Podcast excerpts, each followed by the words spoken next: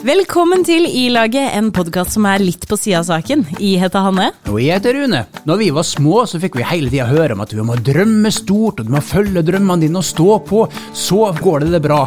Men eh, i voksen alder så hører man jo ikke noe om det. Nei, vi gjør sjelden det. Jeg tror kanskje det er litt skummelt å prate om drømmene sine når man er voksen. Eller har vi slutta å drømme? Nei, det tror jeg ikke. Snart kommer en Ulrik Bolsenes. Og han har vært innom én av fem mange ganger. Han er vokalisten i Revolt, og han slår meg å være en sånn jordnær og fin type. Men samtidig så føler jeg at jeg ser en glød og en målbevissthet i øya hans når han snakker om musikk. Så jeg tror han er en fyr som drømmer, og en fyr som tør å gå etter drømmene sine. I tillegg tror jeg han er tøff nok til å snakke om det. Hei, Ulrik. Hei. Hva er du god på? Jeg syns jeg er god på egentlig ganske mye. Så eh, ydmykt som det høres ut. Jeg har blitt bedre i hvert fall på å tenke over ting jeg skal si. Det er en egenskap som jeg føler jeg jobber med hver dag. Jeg har blitt bedre på. Kanskje jeg har noe å lære av deg, da. Ja, Det kan godt hende, men jeg har helt sikkert noe å lære av det òg, så Vi er flere som trenger å lære å tenke før vi snakker. Nå, nå prøvde jeg faktisk å tenke før jeg snakka, i og med at du sa det, men det er veldig vanskelig å huske på sånn i det daglige. ja, ja, det kan du si. Det er jo en sånn ting man må ta og følge på der og da, egentlig. Og så er det jo mange situasjoner hvor det er gøy når ting kommer feil ut òg. Absolutt. Siden dette her sånn potensielt kan være den siste episoden noensinne, vi veit jo ikke hva som skjer etter første sesong, om det kommer en oppfølger eller diverse, så sliter jeg veldig med å finne den tingen jeg er god nok på i dag. Ikke fordi at jeg har gått tom, men lista er så lang. Eh, Like cocky som det er her. Ja, det er bra, det. Men det er en lang liste, så jeg veit ikke om jeg skal ta liksom, tak i den der kreativiteten, eller empatien, eller um, aktivitetsnivået. Kreativiteten. Ja, Jeg er sjukt ja. Jeg kreativ. syns du skal velge det, ja. For å følge opp den der tenke før du snakker. Jeg er ofte kreativ på direkten. Altså sånn nå må vi ha en idé. Plump, sier det i huet, og så kjører vi.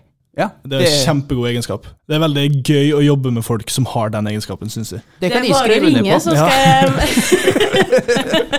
Så blir jeg med på Ja, ja. en sånn kreativ prosess. Jeg elsker kreative prosesser også. Rune, hva er du god nok på? Prate tull om gjerne og litt alvorlige ting ofte. For eksempel på dysleksiens dag nå da, så skrev de et eller annet, jeg husker ikke, eh, 'gratulerer med dagen, dyselektrikerne, hora, hora', eller et eller annet liksom. Ja, det var jo bare hyggelig, tenkt i, men eh, så fikk jeg litt reaksjoner noen som følte seg krenka. Ikke med dysleksi sjøl, men eh, fordi at eh, de kjente kanskje noe som hadde, og det er en kamp hver dag, fikk jeg beskjed om, med lesing og skriving og slik, så det, det burde jeg ta det i betraktning. Men du Eh, er jo dyslektiker. ja, nettopp! Ja. jeg vet alt om dette, den kampen her nå, og derfor er det viktig å liksom ta brodden av det og liksom flire litt av det. Det er ikke innafor nå om dagen. Nei, det er fort gjort at noen føler seg krenka. Jeg føler det er sånn mangelressurs i samfunnet nå. Altså, Det blir farligere og farligere, men eh, jeg tror det trengs mer og mer òg, for å avvæpne så mange potensielle konflikter. Å, det var dypt. Ja. Da kan vi kjøre i gang. For det, vi, vi kan ikke følge opp den med noe som helst. Nå har vi toppa hele episoden allerede. Ulrik, hva drømmer du om? Oi sann. Det er et utrolig godt spørsmål. For jeg drømmer om eh, veldig mye, og veldig lite spesifikt. Jeg pleier jo egentlig å si at jeg har to personligheter som trenger hverandre, eh, og de drømmer om litt forskjellige ting. Den ene personligheten min er jo et sånn helt sånn personlig nivå, og, og, og alle drømmene mine der dreier seg rundt det jeg interesserer meg for, og ja, er alltid egentlig den verden. Og den andre personligheten min, det er en musikalsk personlighet. Den, den ble født da jeg var 15 år og begynte å spille i band. Og hvis vi skal snakke ut ifra den personligheten, så er det jo egentlig det å lykkes med musikk. Det å kunne spille musikk hver dag for folk, eh, for store folkemengder som synger tekstene tilbake til det. Det er egentlig min drøm innenfor musikk. Ja, Da snakker du selvfølgelig om Revolt, som er bandet ditt. Mm. Jeg bare nevner det fordi Rune, Rune her har sovet under en stein i ti år. Ja, det, det beklager jeg. Jeg oppdaga akkurat nå, da. Ja, men eh, det er ikke for seint. Nå kan jeg og Rune snart stå på første rad og synge Ja. tekstene Ja, det hadde vært kjempekjekt. Det er jo to steg i riktig retning, det. Ja, da håper jeg dere spiller høyt, for du har ikke lyst til å høre meg synge. Ja, Vi skal spille høyt nok. Det går fint. Og så litt snikreklame også, hvis man trenger å lære tekstene, så er det jo bare å skru på 1 av 5 rock. Oh Ja, ja, ja. ja, ja. Der fikk vi den. Ja. Men uh, hvis det er flere som Rune her, da, så må vi jo liksom få introdusert uh, Ulrik og Revolt lite grann også. For det, det er vel den uh, drømmereisen vi skal på. Ja, vi kan jo snakke litt om bandet, da, som har vært en veldig stor og sentral del av hele min sånn ungdomstid.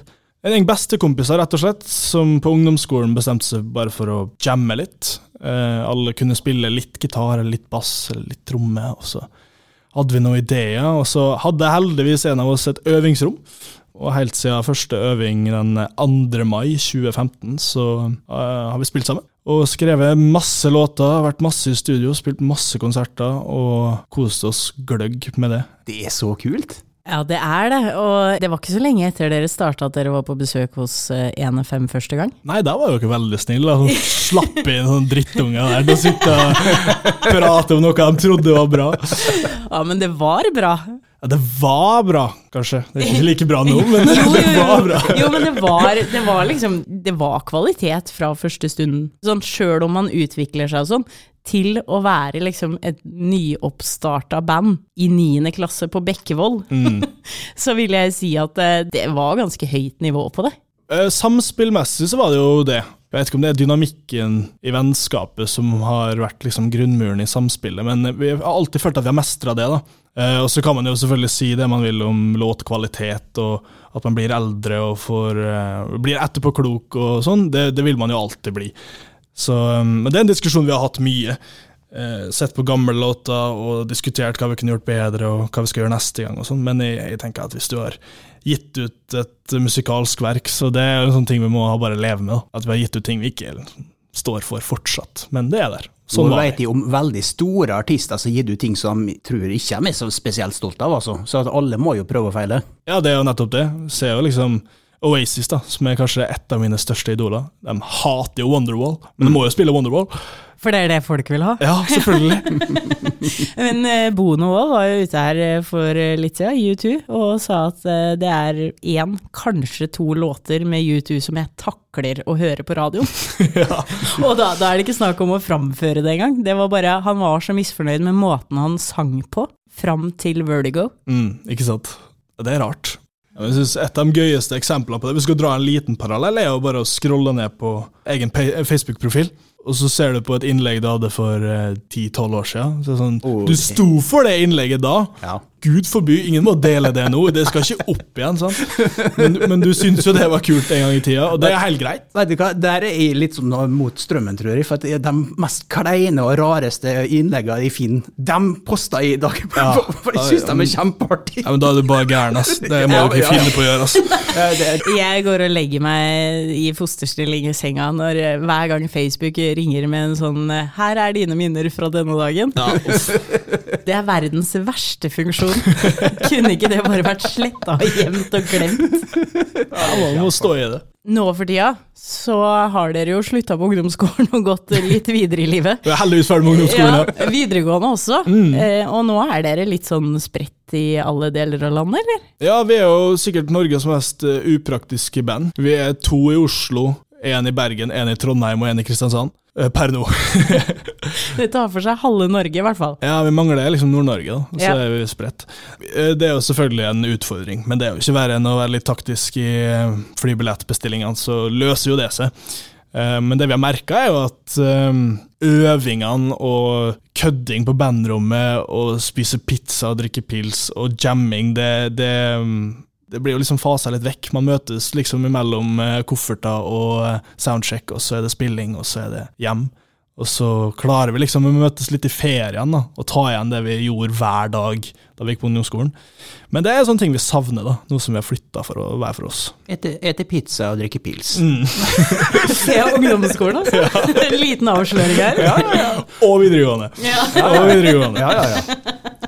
Hørtes meget bra ut. Mm. Men dere er fortsatt på en måte på den at eh, det er dere, og det er dere som skal videre også? Ja, ja. 100% det er ikke noe annet alternativ, egentlig. Jeg kan snakke for min del. da. Eh, mange har jo liksom spurt meg om jeg har lyst til å drive med andre prosjekt, andre band, andre, gjøre noe soloting.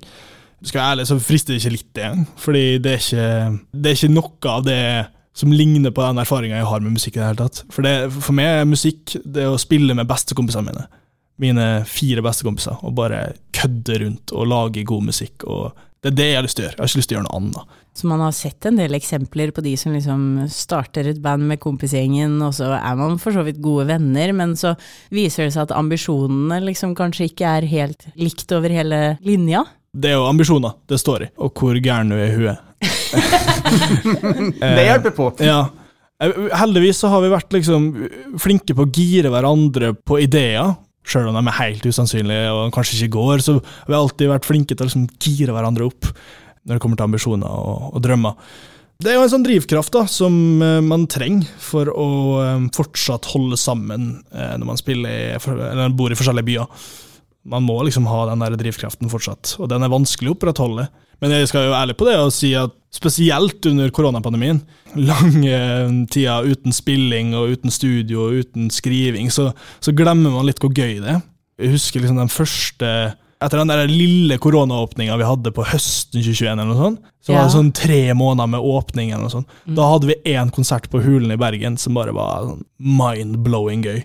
Og det, Den følelsen får man jo liksom ofte når man ikke bor i samme by, da, for man får ikke spilt like mye, man får ikke øvd like mye, får ikke møttes like mye, men med en gang man gjør det, så Da blir det rock'n'roll. Ja. Men det var bra du tok opp det der med koronaen og sånn, for eh, nå har dere holdt på 2. mai så har dere holdt på i åtte år som Revolt. Mm. Og det har jo vært noen opp- og nedturer gjennom de åtte åra, vil jeg tro. ja, absolutt. Skal vi starte med de dårlige eller de gode? Nei, vi kan starte med de gode. Vi um, vant Musikkprisen veldig tidlig, 2017. Og det var en sånn Jeg vet ikke om vi var helt klar for å, for å vinne den. For det gikk litt i huet på oss, eh, jeg tror ikke utad, men innad. I premien der så var det jo at vi fikk lov til å besøke Ocean Sound Recordings på Giske og spille inn eh, debutalbum. Lagde det vi syns var et veldig bra debutalbum. Vi sa vel egentlig at det var Norges beste debutalbum gjennom tidene òg, faktisk. Det tror jeg vi har står i RB-nett eller en eller annen plass. Ja, men det er bra at dere går høyt ut, det liker jeg. Ja, det var for det korrekt, jeg husker Ja, godt, ut, men, men- men sto for det da. Ja, Vi sto for det da, absolutt. Så jeg skal ikke, jeg skal ikke hjemme bak den kvoten der, altså. Men så er det viktig å ha den trua på seg sjøl òg, fordi med Musikkprisen så venter jo liksom stort publikum på Jugendfest. Jugendfest og, og Moldejazz og Malakoff fikk vi, og Skjervafest og mye gøye jobber og mye oppturer, da. Jeg tror det er litt sånn at eh, sånt opplever man ikke hvis man ikke har trua på det man driver med, da. Nei, eh, det er jeg helt enig i. Man må um, Jeg pleier å si at man må være litt sjuk i huet for å, for å, um, for å få til sånne kule ting. Og da må du liksom bare ut og skrike at du har laga det beste debutalbumet i norgeshistorien. Ja. Så se på Kaizers, liksom. Gir ut Ompa til du dør, og så bare sånn uten tvil overbevist om at det her er det beste som er gitt ut noen gang i hele Norge. Det er det jo òg. Og det har de jo rett i, skulle jeg da si. Fordi de har jo eh, Det er jo et relativt nytt og sjukt bra eksempel. Fordi de har jo vært borte i ti år, men samtidig så har de ikke vært borte. Nei. Fordi jeg har jevnt sikkert årlig hatt Kaizers Orkestra-diskusjoner med folk. Mm. Jeg er helt enig. Det er samme greia hos meg. Jeg var jo så heldig å kjøpte billetter faktisk, til eh, comeback i turneen deres i Bergen. Oi. Ja, så eh, Det kommer til å bli helt rått. Ja, det har jeg, har hatt lyst til å si jeg var tolv år gammel, så det blir veldig, veldig kult. Det må jo ha vært flere oppturer, hallo. Vi har spilt um, veldig mye kule konserter og det, de siste åra, etter pandemien. Vi har spilt veldig mye kule konserter. Vi har spilt vår første konsert i Trondheim nå nylig, på Knaus på Samfunnet. Det var en fantastisk opplevelse. Jeg spilte spilt noen kule konserter i Oslo og Bergen, og, ellers er det jo massevis av oppturer for hver gang vi skriver en ny låt, eh, eller kommer en ny idé, går i studio og får miksen, første miksen. Det er alltid en opptur. Eh, Det, det har vært veldig, veldig, veldig mange oppturer på forskjellige nivå. Uforutsette oppturer å se for meg. Eh, fordi grunnen til at du er her akkurat nå, var jo en spillejobb for et visst teater som basically handler om revolt. Det er jo en litt sånn crazy idé som ikke var vår engang, faktisk. Nettopp. Ja, det er jo helt sjukt. Ja. Det starta egentlig med at vi um, tredje året på musikklinja så gjorde vi musikalen Hair. Vi satte opp musikalen Hair, og da leide vi inn eh, eller musikklinja leide inn en regissør som heter Eldris Krøder Kvalvik. Som var en fantastisk flink regissør. Og vi ble godt kjent med henne gjennom det samarbeidet der. Og etter hele det musikalgreiene var over, så sendte hun en melding til meg Hun visste ikke hva hun hadde lyst til å lage, men hun hadde lyst til å lage et eller annet prosjekt som handla om det å spille i band, med da fokus på vennskap og drømmer, musikk og flyt og det å rømme fra sitt personlige liv inn i musikk osv. Det er faktisk to år og ni måneder siden jeg fikk den meldinga. Mm. Eh, nesten på dagen, tror jeg. faktisk. Så um, ehm, starta den prosessen, og masse masse utkast av ideer og manus og la, la, la, la. la. Til slutt så endte vi opp med en forestilling som vi har eh, kalt Fra småby til Wembley. Egentlig bare handler om en kompisgjeng som drømmer om å slå gjennom med musikk. Og og det, som er gøy her, er jo at hun har jo skrevet et helt fantastisk bra manus basert på oss og litt vår historie.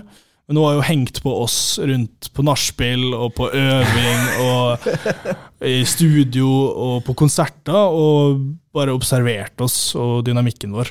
Så det var veldig, veldig gøy å lese manus for første gang, fordi det var så naturlig. Da er dere rockestjerner, altså. Dere får teaterstykket, Det må jeg bare si. Det, det er dere. Men så er det viktig å presisere at det er ikke om Revolt. Nei.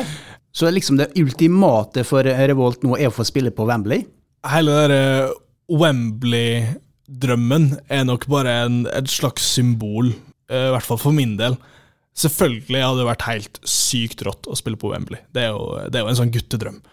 Men samtidig så er det ikke det som er målet. Det er ikke noe konkret drøm vi har. Og det er egentlig veldig godt beskrevet i stykket òg, hele det Wembley-greiene. Fordi alle biter seg merke i Wembley og tenker stadion og tenker liksom hvor stort det er. Men det handler egentlig bare om å drømme. Så det kan være Aker stadion òg? Det kan være hva som helst, så lenge det handler om å, å spille musikk for folk. Der følte jeg at vi endelig fikk spesifisert drømmen litt. Det var litt deilig. Ja, ikke sant? nedturer, da. Vi må nesten eh, gjennom det òg, for, for, det er jo ikke bare en dans på roser. Nei, det er det absolutt ikke. Det å spille i band kommer jo med mm, veldig, veldig mange utfordringer, da. Altså logistikkmessig og Økonomisk, ikke minst. ikke minst. um, og så er det jo planer som går i grus, konserter som går til helvete av forskjellige årsaker. Vi spilte nylig konsert i Bergen eh, der strømmen gikk to ganger under konserten. Så, Hvordan takler man det? Du blir forbanna, da. Ja. og så må du jo klare å eh, bevare ansikt, men uh, du blir forbanna eksempel på sånne små ting som, uh, som, går i grus, og det er jo nedturer. Og det, det her er jo bare livemessig. Uh, musikkverden kan jo deles inn i streaming, og hvordan du lykkes på radio eller på Spotify osv., og, så videre, og så har du live-greiene. Og vi har hatt enda flere nedturer, syns vi, da, i den andre verden. Ikke live-verden, men i streaming-verden. Du får null streams, eh, ingen radio Bortsett fra NFM, da, selvfølgelig. Ja, ja, ja, du vil spille det. Og det er sånn som kan tære veldig mye på motivasjon i den prosessen å skrive musikk. Fordi du legger så sinnssykt mye arbeid og energi og følelser i en låt eller en EP eller et album, og når du ikke ser den responsen på en skjerm, så er det litt vondt, rett og slett. Men det er jo det man snakker mye om uh, i sosiale medier generelt også, da. At uh, unge er veldig opptatt av de likeklikka på Instagram eller Facebook eller hvor det skal være. Er det litt sånn samme følelsen? Ja, men det tror jeg det er for at det er vi som har sluppet den musikken. Jeg så et intervju med um, Edvard fra Honningbarna, som satt og snakka om akkurat det her med streaming. Han konkluderte med det at det er jo helt fuckings hodeløst å slippe knallhard punkmusikk på norsk i 2022 og forvente å få en million streams. Det er helt fullstendig usannsynlig. Det er vanskelig å innse det sjøl, men vi har prøvd å prate om det og prosessere akkurat det her mange ganger, oss innad, og kommet fram til at vi må slutte å bry oss om det. Det er live-biten som er det viktigste for oss. Det er der vi er best, og det er der vi får gode tilbakemeldinger, og det er det som er gøyest uansett. Men det er jo ikke bare å skru av en bryter. Det er ikke det. Nei. På ingen det, måte. Det må snakkes om gang på gang, antagelig. Ja, vi tar det opp hver gang vi slipper en ny låt. ja.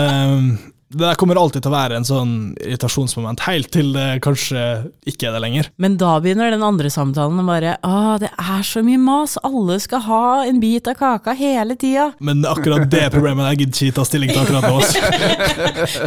det kommer når den låta er ute. Jeg ja. lover, da skal vi ha en ny prat. ja, det er greit. så kan jeg endelig si hva var det jeg sa? Det blir sesong to. Men eh, en annen nedtur, vil jeg tro. Og jeg husker at vi hadde en prat rett før coviden om at Revolt var klare for å stå på scenen i Storbritannia. Ja. Det er jo en av de planene våre og drømmene våre som eh, gikk i vasken, rett og slett pga. koronagreiene. Vanskelig liksom reise seg opp og si at ja, det er så synd på meg, fikk ødelagt det pga. covid, fordi vi vet jo hvor mye annet som har blitt ødelagt pga. covid. Men eh, ja, det stemmer. Vi skulle spille en rekke konserter i England, og jeg tror det var planlagt noe greier i Tyskland òg, faktisk. Um, alt røyk. Man merka at det var en drøm som lå der.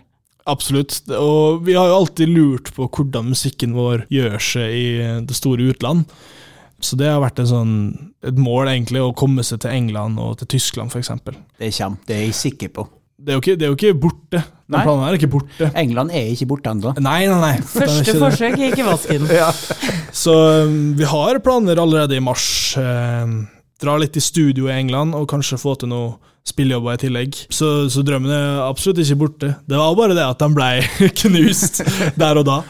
Men hvor lang tid tar det da eh, som band? For én ting er å stå oppreist og si sånn 'det er synd på meg', men, men som gjeng da, så er det jo lov å sitte der og bare 'men det var jo dette vi ville'.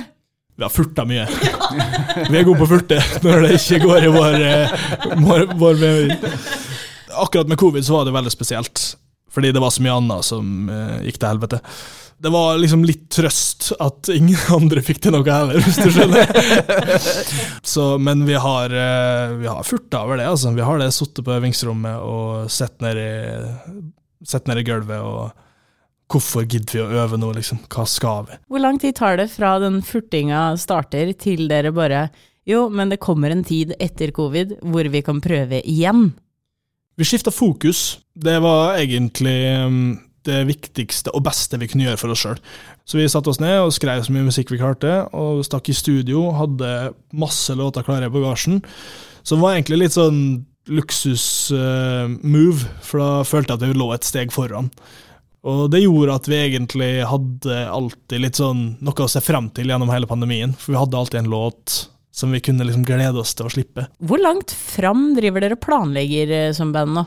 Det spørs veldig hvor store de planene er. Men eh, vi ligger liksom et halvt år fram i tid hele tida, og har en sånn illusjon av hvor vi ønsker å være da om et halvt år. Så det er nok det som er liksom ramma for planlegginga. Jeg starta med å spørre deg hva du drømmer om. Har du noen gang gått ut høyt og snakka om drømmer? På bandrommet så prater vi om eh, drømmer hele tida. Vi setter oss helt usannsynlig og hårete mål, noe som jeg elsker å gjøre, egentlig. Fordi jeg mm, føler det dyrker så mye motivasjon. Til klassekamerater og venner og familie og sånn, så kjenner jeg, i hvert fall jeg, da, på at jeg har ikke holdt igjen nødvendigvis, men ikke følt at jeg har trengt å fortelle alle de syke fantasiene mine. Rett og slett for at jeg ikke orker hele den derre Å ja, du er sånn, eh, og du tenker det, og du tenker det. Det er nok en annen kommunikasjon rundt drømmer innad i bandet eh, enn det er til resten av min eh, omgangskrets og familie. Det er det nok. Det er for å spare dere for at litt sånn janteloven og litt sånn Ja, riktig. Men den ligger jo alltid der. Janteloven ligger jo alltid der. Og så er den jo sterkere på forskjellige steder. Ofte er det bare for at man ikke orker hele den der store praten om hva man, hva man drømmer om. da. Og alle oppfølgingsspørsmål, da? Ja. Hvordan har du tenkt å få til det? Nei, Jeg har ikke peiling, liksom. Jeg har faen ikke peiling på hvordan jeg har tenkt å få til det, men jeg skal få det til. Du kan ikke svare det i sånn første juledagsselskap. eh, Nei, da slipper du aldri ut derfra. Nei. Men hva tenker du om at folk er kritiske eller ser ned på andres fantasier og tanker og drømmer? Jeg tror ofte så er det en sånn uvane som folk har. At de ikke rekker å tenke over det den andre personen har formidla om sin drøm. da. Så folk må lære seg å tenke før de reagerer? Ja, kanskje det. Kanskje det. Det er selvfølgelig alltid greit og nyttig med et kritisk blikk rundt egentlig hva som helst.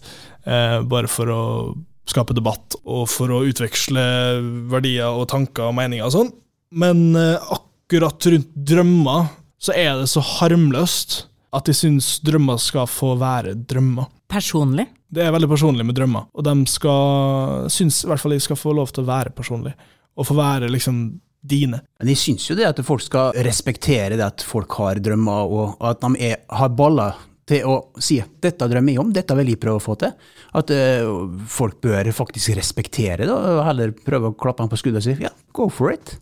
Jeg hadde en dårlig erfaring én gang, for uh, når jeg slutta på videregående, så skulle alle i klassen sitte rundt et bord og fortelle hva man skulle gjøre etter uh, videregående. Og når det var min tur, så sa jeg at jeg har en plan om å prøve å få meg jobb i NRK i løpet av det neste året. Klasseforstanderen satt og lo den verste hekselatteren ever rett opp i trynet på meg. Fy faen. Og det, det gjorde så vondt i hele kroppen.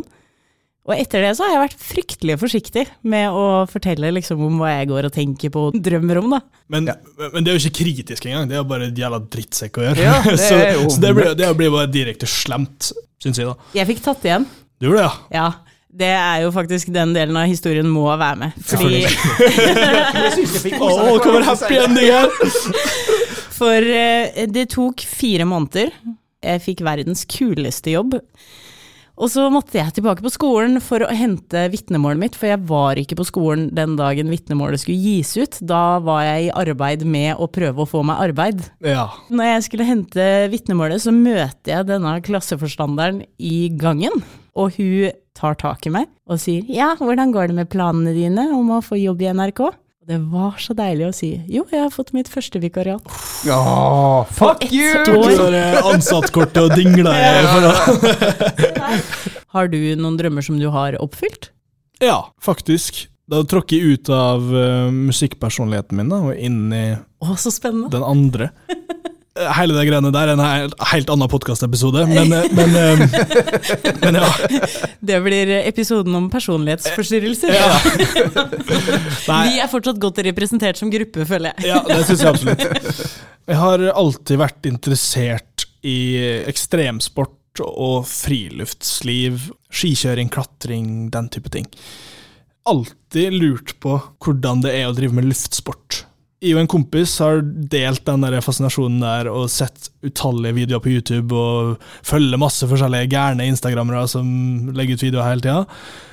Nyttårsaften 2021 så ringte jeg til da min kompis og sa at nå setter vi av tid i juli, stikk til Voss, og så tar vi paragliderlappen. Så sjekker vi om det her er fett, om det er drittskummelt, eller hva det er for noe. Så det gjorde vi i sommer. Bodde vi i bilen hans på Voss i to uker og tok eh, nybegynnerkurs for paragliding, og tok lappen på det. Var det dritskummelt? Eh, Det var skummelt, selvfølgelig. det var skummelt, men det var, det var veldig gøy å erfare noe helt nytt. Jeg er veldig glad i å gjøre helt nye ting. Så, så dette her var jo et sånn gigantisk step i den retninga. Det var veldig kult å erfare det, og jeg var veldig spent på hvordan jeg kom til å takle det. For jeg var, jeg var liksom fullt forberedt på å snu første dag og si at nei, det her, det her skal jeg aldri gjøre. Uh, og så var jeg også forberedt på å si at nei, fy faen, det her var jo drittkjedelig, nå skal jeg basehoppe, liksom. Men jeg visste jo ikke hva jeg gikk til i det hele tatt. Men uansett da, hvordan reaksjonen jeg fikk ut av det, eller, så ble jo drømmen oppfylt. Det er veldig mange som tenker at når jeg blir pensjonist, da skal jeg ut og leve. Ja. Men du har jo ingen garanti for at helsa holder, eller at eh, livet ser ut på den samme måten som man gjør akkurat nå. Jeg har et par kamerater som tenker liksom der. Da, da satt vi på ei strand i solnedgang foran oss, satt og pilsa og kosa oss. der, og Sånn, når jeg blir gammel, altså, da skal jeg sitte i Syden og se på solnedgang. Så, hallo! No, du er ikke i Syden, men hallo, se, se deg rundt. Vær her og nå, liksom ikke se når jeg blir pensjonist, så skal jeg gjøre det. Og så skal du sitte og tenke på hva du skal gjøre når du blir gammel. Det er jo helt idiot. Så Du veit hvem du er. Sorry at jeg kalte deg for idiot. Men akkurat der og da. Ja, da var du der. Så spørs det jo hva man eh, anser som eh, det å starte livet, da. Eller gjøre de syke tinga. Det er jo kategorier her. Altså sånn, De tinga jeg drømmer om, eh, krever kanskje litt frisk og rask kropp. Som ikke kan gjøre når jeg er pensjonist. Altså. Men uh, der er jo folk forskjellige, selvfølgelig. Ja, du har ikke fått meg til å hoppe ut uh, med noe sånn paragliding og sånn. Da, da måtte du fram med hagla og trua først. tror jeg. Når jeg følte at jeg begynte å bli dyp her nå, eh, så mener jeg at sånn, helse er jo én ting, men du, du har aldri noen garanti for at det ikke kommer en ny pandemi, eller at eh, det bryter ut en verdenskrig. Altså Nå høres det ut som jeg har sånne katastrofetanker, men eh, bare for å fortsette på, på den, da. Fordi det kan komme ting i veien for å leve livet. Ja, 100% Og da mener jeg at man må jo leve livet her og nå, da. Det er så sant. De siste tre åra er jo prakteksempel på det du akkurat sier. da. Det Ja. er sånn What the fuck is going on? Og så plutselig må du bare slippe alt du har, for at det er så mye annet som skjer, og andre prioriteringer. Du er liksom ikke like viktig som du var. Man skal heller ikke gå og tenke det, da. Vi skal bevege oss tilbake til eh, musikkpersonligheten nå. Ja. Er du klar? Kan du le le lete fram han? Hallo. Føler du at eh, det koster noe å jobbe mot drømmen med å lage musikk og spille for folk? Ja. ja, det gjør det. Men jeg syns samtidig at det er det som er med å sette en, en verdi på drømmen. da. Hvor mye du må ofre, har jo også veldig mye å si for hvor stor den drømmen egentlig er. Man har ofra veldig mye med tanke på ferie, fritid og eh, timer, penger. Paraglidingkurs. Sånne ting har man ofra veldig mye av for å få til egentlig veldig lite mange ganger. Jeg hadde et eksempel tidlig i um, revoltfasen, da vi prøvde å bare spille overalt. Vi gikk for en sånn, et sånt format der vi skulle bare spille overalt, på alle mulige steder, og prøve å bli stor på den måten. Da hadde vi en eh, spillejobb på Sunnmøre, som vi egentlig hadde bare prata om i en gruppechat om at ja, da vi skal spille der og der og der og der. Men så hadde jeg og Sigurd, vår bassist, vi hadde bestilt billetter til Nothing But Thieves i, i London, som var den dagen vi skulle ha den spillejobben på Sunnmøre, og vi tenkte at sånn Ja, det går kanskje greit. Da måtte vi rett og slett ofre en av våre favorittband, og dra på konsert med en av våre favorittband, og dra og spille den jobben på Sunnmøre, som eh, absolutt ikke gikk bra. Og så var det Da før skulle du sagt til publikum You fuckers! Men, men sånn er det, da. Ja, ja. Det er jo liksom That's the price you gotta pay, og det jeg er ikke misfornøyd med det. Jeg er ikke misfornøyd med noen av de hendelsene der. For det er, har bare vært med å bygge oss, egentlig. Um, uansett hvor mange steg det føles ut som du tar bakover, så tar du veldig mange framover òg, på en helt annen arena. Når du snakker om eh, hva som går på bekostning av drømmer og sånn, var du klar over det før du begynte? Ja, det var jeg absolutt ikke klar over før jeg begynte nei. Og jeg er egentlig ikke klar over det før du stiller meg spørsmålet heller. Men uh, jeg tror jeg bare har godtatt at det er en del av det å drømme. Og det, det er jo noe fint i det òg, syns jeg. Har det vært et sånt avgjørende tidspunkt hvor du har tenkt at uh, ok, dette er drømmen rent musikalsk, den går jeg for? Ja og nei. I og med at jeg ikke har et superkonkret mål, eller drøm, um, annet enn det å spille musikk for folk, så har jeg ikke en sånn aha-opplevelse. Men jeg har én konsertopplevelse som har betydd veldig mye for meg og for Revolta. Når var det? Hvilken konsert? Det var faktisk her i Molde. Vi skulle varme opp for Julie Bergan på Rådhusplassen. Det som var kult da, var at vi hadde hatt soundcheck, gikk backstage inne på rådhuset. Og for dem som ikke har vært på Rådhusplassen i Molde, så er det egentlig ganske trang plass ned mot fjorden. Og når de setter opp scenen helt innerst med rådhuset der, og du står bak scenen, så ser ikke du en dritt framover. Så vi satt inne på rådhuset og hadde egentlig ikke peiling på hvor mye folk som kommer til å komme, og tenkte at å faen, det er meldt litt regn i kveld, og håper det kommer litt folk, i hvert fall. Og så begynner liksom klokka å nærme seg showtime, og vi går eh, bak scenen, tar på oss in-airs og, og liksom er klare for å gå på scenen. Og så går uh, de fire andre på først. Jeg står bak og venter litt, for det er jo liksom jeg og drama queen. Og jeg skal ha, jeg skal ha momentet mitt. Mm. Like to make an entrance. Yes. Så jeg skal ha momentet mitt der. Og det er faktisk ikke før jeg tar to steg ut på scenen at jeg ser hvor mye folk det er. Og jeg tror det er 2500 mennesker der. Det hadde jeg aldri tenkt at det var plass til på Rådhusplassen i Molde.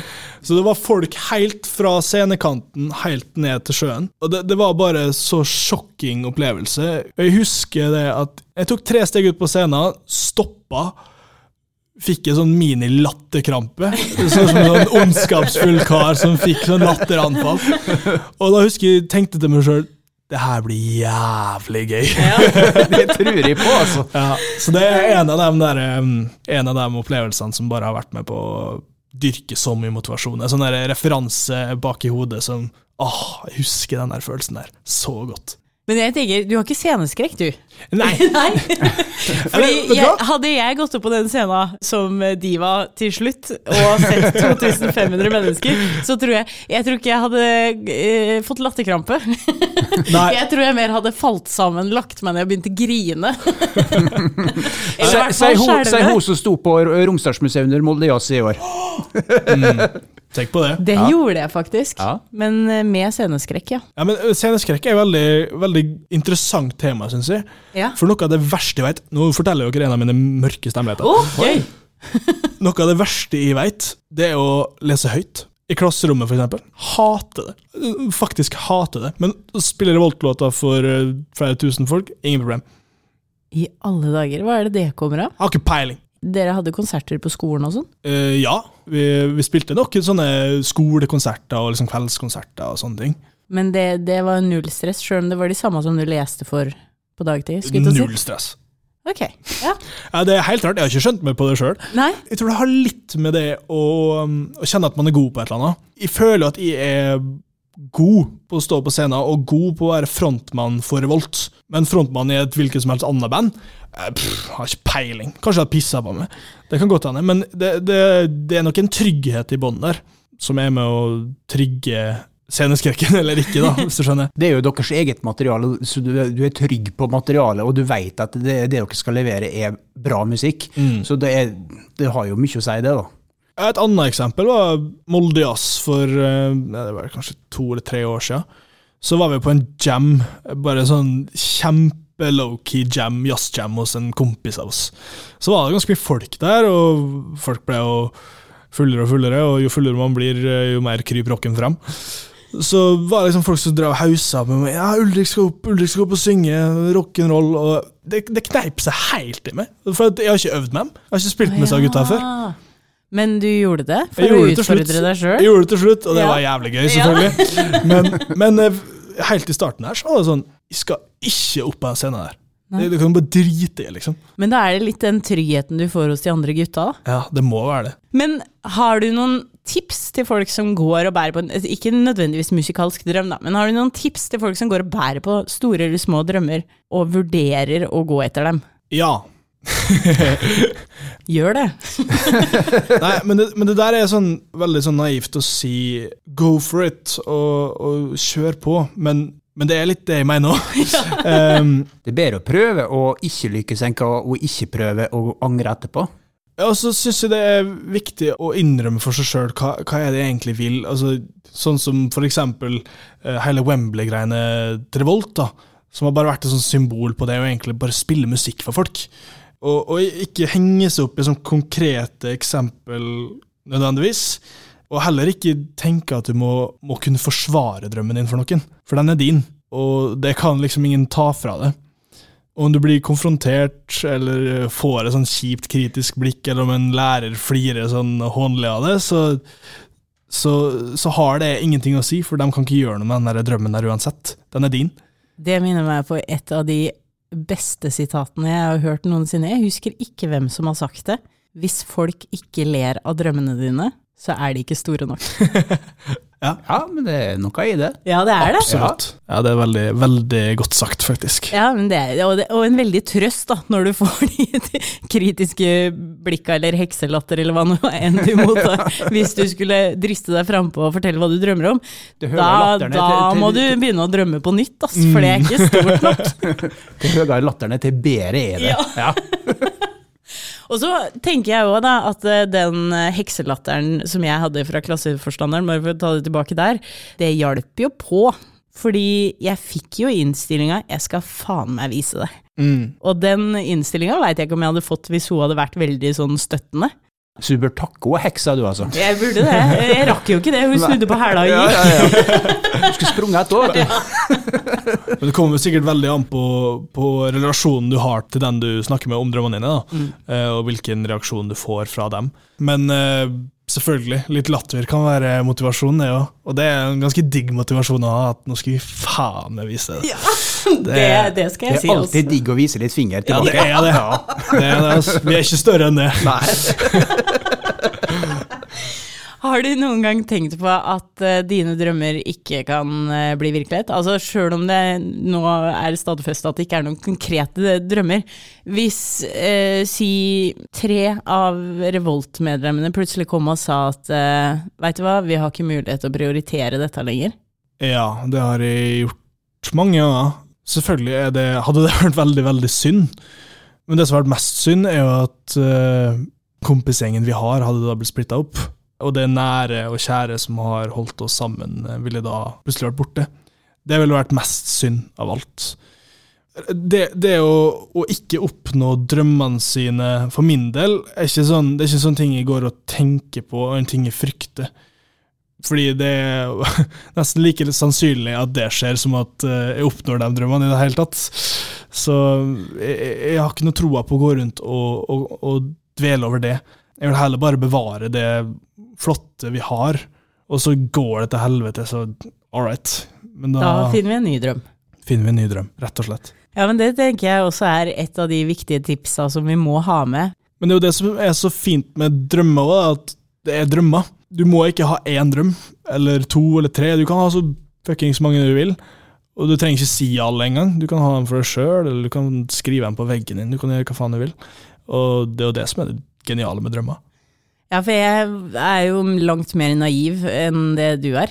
Eh, så, så når jeg fant ut at jeg hadde lyst til å jobbe med radio, f.eks. For, for jeg fikk jo ofte beskjed om at det kanskje var greit å liksom teste noe annet, eller ha et annet bein å stå på i tilfelle det ikke gikk. For det, det er jo en ganske sånn usikker uh, greie å kaste seg inn i. Men jeg hadde liksom ikke det i hodet i det hele tatt, at det ikke skulle gå. Nei, men Det er ingen grunn til, for du er jo veldig veldig flink å prate. men, men, det synes jeg det, det, er en egenskap som jeg gjerne skulle hatt mer av. Det å bare nekte å innse at det her ikke går. for det er Stahet, rett og slett. Ja, Å være sånn dumsta kan være kjempebra og kjempenyttig på veldig mange ting. Og så kan det være veldig ødeleggende for veldig mange andre ting òg. Men uh, akkurat uh, når det kommer til drømmer, og sånn, så tror jeg det er bare helt genialt. ass. Så der er du blessed, i så fall, hvis det er en sånn uh, greie du har. jo, men det har jeg. Jeg har den, men også blanda da med at hvis det ikke hadde gått, så tror jeg ikke at jeg hadde lagt meg ned og gitt opp. Men da har vi kommet til siste bit. Dette har jeg vel òg kanskje glemt å si til deg, Ulrik. Men, men, men eh, vi, har, vi, setter opp en liten problemstilling på, på, slutten av hver episode, der folk bare lurer på ting. Aha. Jeg tenkte at det, det passa ekstra bra når vi hadde Ulrik her, fordi han studerer historie. Ok, det skapte et press med en gang. og Rune har stått på en standup-scene og driver med historiefortelling. Ok, Så du drar den parallellen? Ja. Spennende! Eh, spennende. Ja. For jeg bare lurer på om det er lov å ødelegge god historie med fakta. Nei. Altså, jeg er helt Å, det der, det der har jeg sagt så mange ganger. Og det her kan jeg quote Alex Rosén på sikkert 100 ganger. Du skal aldri ødelegge en god historie med fakta. Å, så bra! Aldri. Og det er punktum finale. Ja. Ja. altså Når du drar Alex Rosén opp av hatten, da dåner jeg. Ja. For en De skal ikke si Gud, fordi der, der, ødela jeg, der ødela jeg et godt sitat med fakta. Fader òg, sorry. Han er Gud! Ja, han er Gud. Nei, men Gode historier fortjener ikke å bli ødelagt av fakta. Det, gode historier er gode historier. Punktum. Ja. Det verste som finnes, det er jo folk som begynner å rette på det i ei god historie. Ja. Nei, det var ikke tirsdag, det var onsdag! Ja, det irriterer meg. Hva har du å si?! Nei, ingenting! For i historien så hadde du ikke trengt å si 'det var en dag'. Jo, jo, men uh, Så hadde du sluppet å bli retta på. Jo, jo, men av og til så, så Nå bare kverulerer jeg. Ja, ja, men av og til så må, har jeg funnet en liten tvist på at da må jeg ha med dagen for at det skal bli stemme. Ja, men så var det feil dag? Ja, ja, ja, selvfølgelig. Men da er ikke historie artig lenger. og derfor så... Men, men, det er veldig deilig at vi er enige om akkurat det. For det der har vært en hjertesak for meg, som jeg har sagt til mine venner i alle år. Aldri ødelegg en god historie med fakta. Har du noen gang møtt noen som ikke er enig med deg? Eller har de ikke turt å si det? Nei, for jeg, jeg er ganske tydelig når de sier sånne ting, så Ja. kanskje ikke de gidder å si meg imot der og da. Men jeg har jo hatt folk som har retta på historiene mine, eller som har ødelagt mine gode historier med fakta. Hva sier du da? For det, der er jeg nysgjerrig. Jeg har noen som er ganske flinke på det. Da reagerer jeg med å gi dem et tomt blikk, med høye øyenbryn, eh, og en sånn derre Hva faen? Hva er greia? Slutt! Så unødvendig! Du kan få lov å fortelle din versjon av det etterpå, men da er det ingen som flere. Ja, men det det er ikke nødvendigvis at jeg sier alle de tinga, men alt bare summeres opp i ett sånn ansiktsuttrykk som stirrer dypt ned i sjela. og sånn, Hva var vitsen med det? Hvorfor måtte du ødelegge mitt moment her nå? Det er min reaksjon på det. Og så er det ikke sikkert alle catcher det, da, men det er i hvert fall det jeg tenker. Kanskje det er divagenet vårt? Som Ja, Det er i hvert fall mitt divagen, Det er i hvert fall mitt divagen, og det kan, du, det kan du spørre hvilken som helst eh, i bandet mitt på. This was my moment to shine! Veldig deilig at vi fikk eh, konkludert med akkurat det. altså. Ja. Slapp vi, slapp vi begynne å krangle i dag. ja. ja, og så ble det en uh, rask avslutning, og det kan jo være fint. det kan være digg, det også. Takk for at du stakk innom og snakka med oss om drømmer og annet. Ja, men Tusen takk for at vi fikk komme. Det var veldig kjekt. Kjempekjekt å ha deg som gjest, og masse lykke til til Revolt. Åh, takk for det. Og fra Småbit i Wembley, som er på diverse scener rundt omkring i januar. Det skal jeg få med meg. Jeg må, måtte reklamere litt. Ja, det er digg.